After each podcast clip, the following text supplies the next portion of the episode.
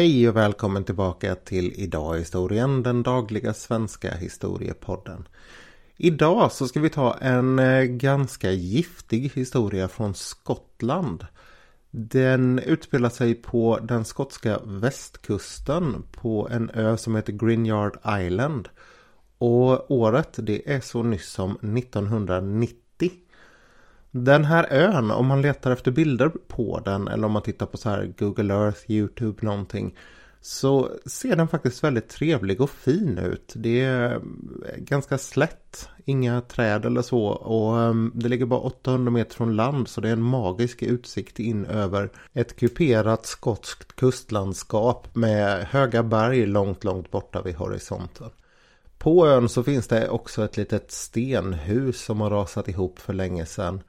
Det är sådär pittoreskt eh, sammanfallet och det är det enda spåret som finns av att det faktiskt en gång i tiden är folk som har bott på den här lilla ön.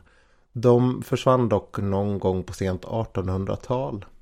Det som hände på den här ön i april 1990 det var att vice försvarsminister i England som hette Michael Neubert eller Newbert på den tiden han stod där och rev ner stora skyltar inför samlade journalister och vissa inbjudna VIP-gäster.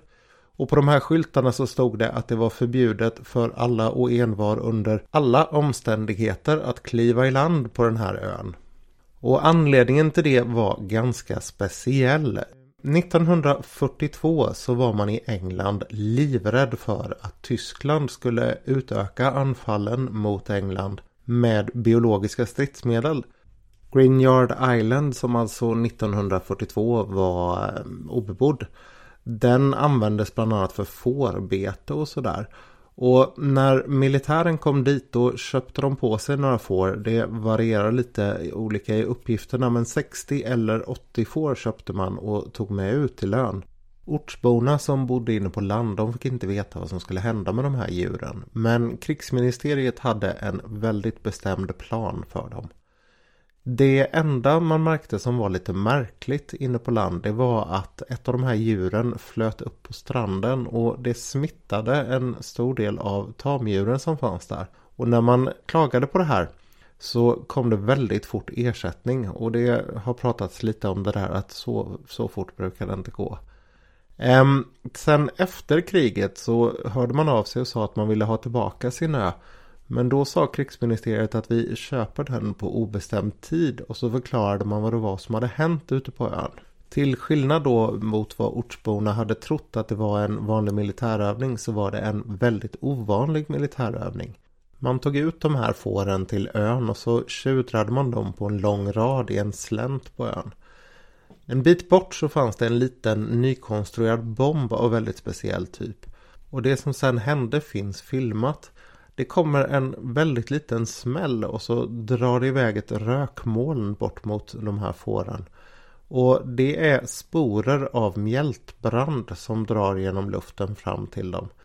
Anledningen till det här testet var att man hade fått rapporter och att det gick rykten om att tyskarna möjligen skulle börja använda biologiska stridsmedel i striden mot engelsmännen. Och för säkerhets skull så ville man ligga steget före och veta att man hade någonting som man skulle kunna balansera med ifall tyskarna skulle börja hota om det här. Priset fick ju de stackars fåren betala. De dog bara tre dagar senare. Och det var ingen trevlig död heller.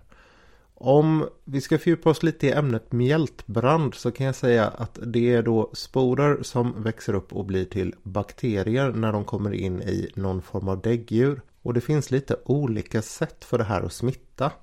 Det mest naturliga sättet att smittas och det som sker på olika håll i världen idag det är att man kommer i kontakt med jord eller vatten eller möjligen då ett djur som redan är smittat och får kroppsvätskor och sådär på sig.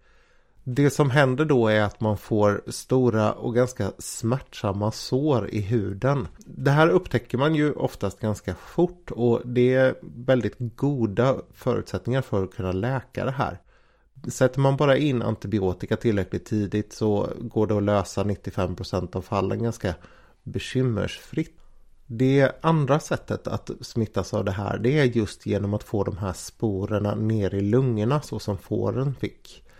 Och anledningen till att man använder det här för biologisk krigföring det är att sporerna för det första tål en explosion så man kan sprida dem med bomb. Det andra det är att sporerna de är väldigt långlivade. De kan ligga i marken i upp till 50 år och vara lika effektiva så fort de får fäste i en kropp igen. Andas man in sådana här sporer då går de ner i lungorna och därifrån så går de vidare ut i lymfsystemet, sätter sig i lymfkörtlarna i bröstet och börjar där att eh, utveckla en väldigt varande inflammation. Den här sprider sig sedan vidare med blodet genom kroppen och det blir fler och fler sådana här varhärdar runt om i kroppen. Det låter inte som något särskilt trevligt sätt att dö och dö det gör man nästan garanterat av det här. 95% sägs det dör som får i sig sådana här sporer, andas in dem. Och ska man behandla det så måste man göra det väldigt, väldigt tidigt. Minnesgoda lyssnare kommer ihåg att det skickades brev i USA i början på 2000-talet, 2001, som innehöll mjältbrand. Och fem av de elva som då smittades dog. Och det här är ju ändå då i ett land som är ganska väl utvecklat vad det gäller möjligheter till sjukvård. Även om de kanske inte har det smidigaste systemet alltid. Om man då tänker sig hur det skulle vara i ett krigsområde istället eller mot en civilbefolkning under en tid när landets resurser redan är hårt pressade och i stor skala dessutom så kan man tänka sig att det blir ganska vidriga scener som skulle utspela sig. Inte oväntat så klassas det här som allmänfarligt i Sverige och blir man smittad så måste man anmäla sig. Det finns ett vaccin men det är ganska ovanligt och det finns inte i särskilt stora mängder. Inte helt oväntat så bestämde det brittiska försvarsministeriet efter det här att vi stänger av ön och vi stänger ner ön. Ingen kommer få gå i land och då satte man upp de här stora skyltarna som sen på dagens datum försvann 1990. Tiden passerar sen ganska stilla på den här ön. Det verkar inte som att det har varit någon större aktivitet där. Det har varit djur såklart men människor har hållit sig borta ganska väl. Förutom forskare som har varit där med jämna mellanrum. Men i början av 1900-talet så drabbas England av någonting som kan liknas vid en mardröm. Utanför Port Down som är det brittiska centret för bland annat biologisk eh, stridsföring. Det ligger i Wiltshire så dyker det upp en liten låda som är väldigt väl försluten. Och i den här lådan så finns det då ett litet jordprov. Um, provet det kommer från Greenyard Island och avsändaren det är några som kallar sig för Dark Harvest Commando. Och vad de är ute efter det är att den här ön den ska tvättas ren nu. Man lämnar anvisningar då man säger att om inte den här ön börjar föras tillbaka till det normala då kommer man att lämna fler sådana här prover på andra platser. Det man säger också är ganska otrevligt för man tänker lämna dem på platser där det kommer ge ett stort folkligt genomslag. Och bara några dagar senare så dyker det upp ytterligare en sån här liten behållare. Den dyker upp i Blackpool och anledningen till att man ställer den där det är att det då regerande Torypartiet hade en konferens där. Den här jorden har ju naturligtvis kontrollerats väldigt noga och det första provet, det som dök upp i Port Down, de som hade hand om Green Yard Island. Det provet visade sig innehålla mjältbrand. Det andra provet, det som var i Blackpool, det visade sig vara fritt från mjältbrand. Men jorden var av samma typ som finns på Green Yard Island. Dessutom så fick man veta att man sa att man hade ungefär 140 kilo sån här jord som man hade varit ute och hämtat på ön. Vad som hände sen det är höljt i dunkel. Det finns inga så här spår av att myndigheter och de här Dark Harvest hade någon form av utbyte. Men fem år senare, 1986, så börjar man att tvätta av ön. Och det har ju skett utan några fler kända sådana här attentat. Sättet man tvättar av ön på det är ganska intressant. Man tar den här remsan i slänten där fåren stod.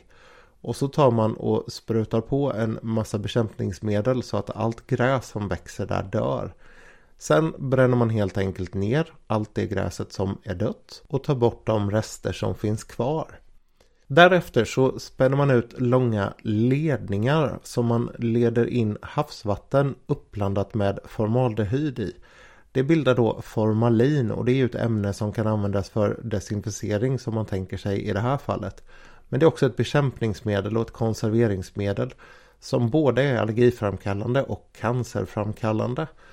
Och den här mannen, det här entreprenörsbolaget som hade hand om den här processen. Han har sagt att alla som jobbade för honom de var såklart vaccinerade mot mjälk, mjältbrand. Men det man verkligen var rädd för det var formalinet för det är ingen trevlig historia. I vilket fall så sprutade man ut ungefär 2300 ton 5% i sån här lösning i den här slänten. Året efter, 1987, så släppte man återigen ut får på ön. Den här gången var det 40 stycken och man lät dem gå fritt fram och tillbaka över ön precis som de ville. Ett halvår senare så tog man in dem på land för att se hur det hade gått för dem och det hade gått alldeles utmärkt. Det fanns inga som helst spår på att mjältbrand skulle ha drabbat dem. Deras ägare säger till och med att han eh, tyckte att de mådde bättre än alla hans andra får.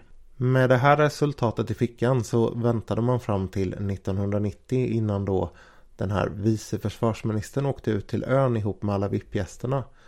Och efter att det här stora jippot var avklarat då väntade man en vecka innan man sålde tillbaka ön till ättlingarna till de ursprungliga ägarna.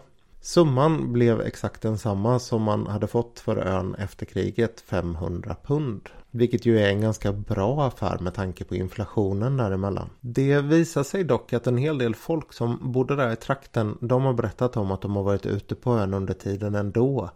Det har varit av lite olika anledningar. Det var en fiskare som sa att han hade haft bojar som hade slitit sig och flutit i land där och de ville han ju såklart hämta. Och några andra de hade faktiskt varit ute där och haft picknick.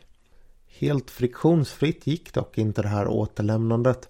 Utan det fanns forskare som menade att man ordentligt underdrev riskerna med den här ön. Ehm, det hade gjorts undersökningar på ett gammalt medeltida sjukhus.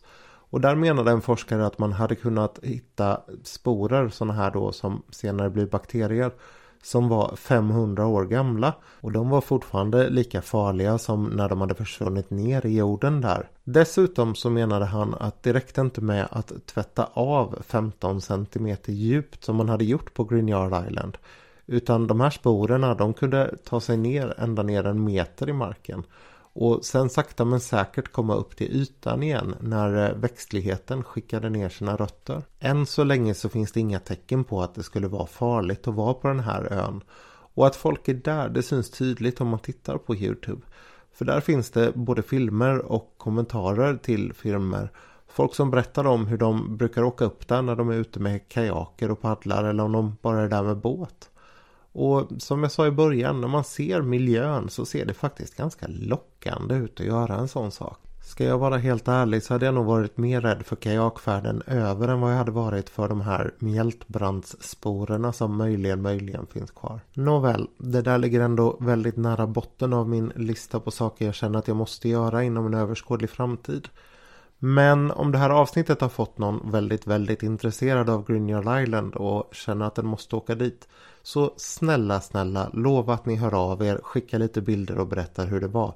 För även om jag kanske inte är mest sugen på att åka dit så tycker jag det är fruktansvärt fascinerande hur man kan ta en ö och bomba den på det här sättet med ganska små och harmlösa bomber vad det ser ut och förstöra den för så fruktansvärt lång tid och att det krävs en sån enorm insats för att få den beboelig igen.